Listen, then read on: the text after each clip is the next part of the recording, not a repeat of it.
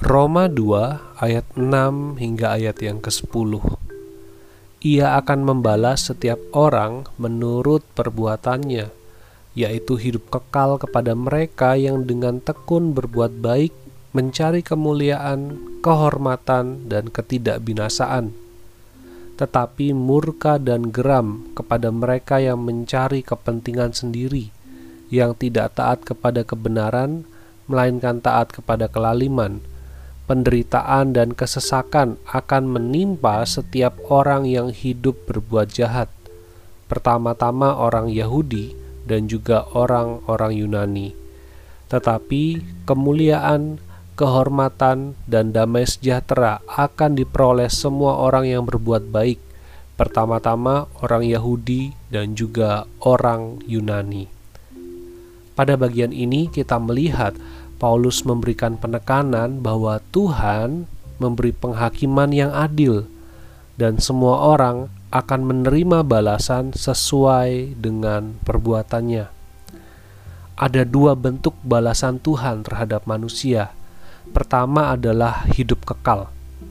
Hidup kekal ini Tuhan berikan bagi setiap orang yang tekun berbuat baik, mencari kemuliaan, kehormatan, dan ketidakbinasaan. Artinya, ada kehidupan kekal yang Tuhan berikan ketika orang-orang dapat melakukan hal-hal tersebut secara sempurna. Tetapi bagi mereka yang mencari kepentingan sendiri, yang tidak taat pada kebenaran, Tuhan menimpai mereka dengan geram dan murkanya. Paulus ingin mengatakan bahwa sebenarnya tidak ada orang yang dapat melakukan hal-hal tersebut secara sempurna, tidak ada orang yang dapat melakukan perbuatan-perbuatan yang sempurna untuk mendapatkan kehidupan kekal. Artinya, semua manusia hanya layak menerima murka dan geram Allah.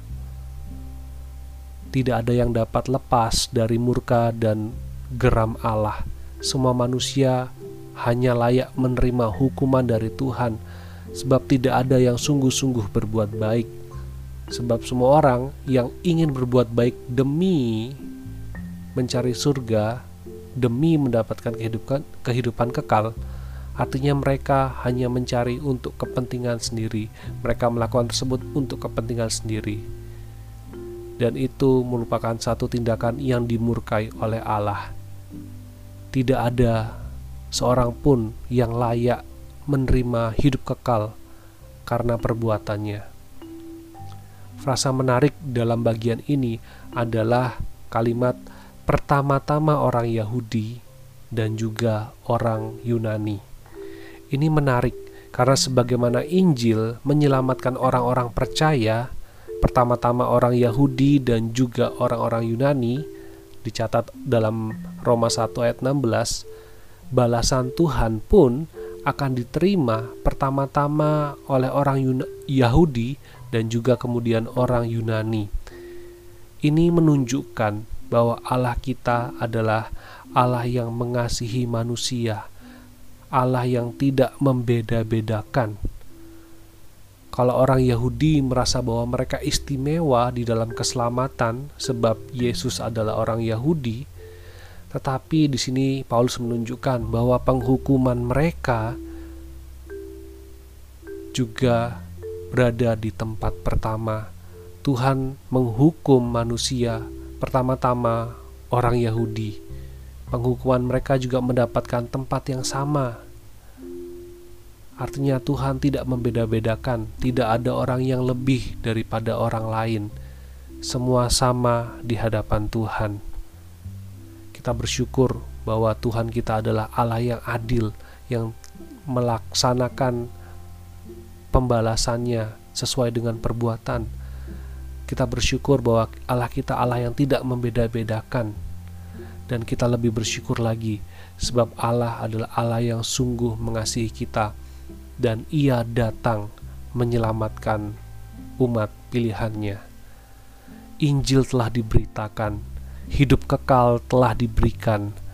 Mari kita hidup berpadanan dengan Injil dan melakukan segala sesuatu di dalam kebenaran, melakukan segala sesuatu dengan penuh syukur dan melakukan segala sesuatu dengan sungguh-sungguh sebab kita telah diselamatkan.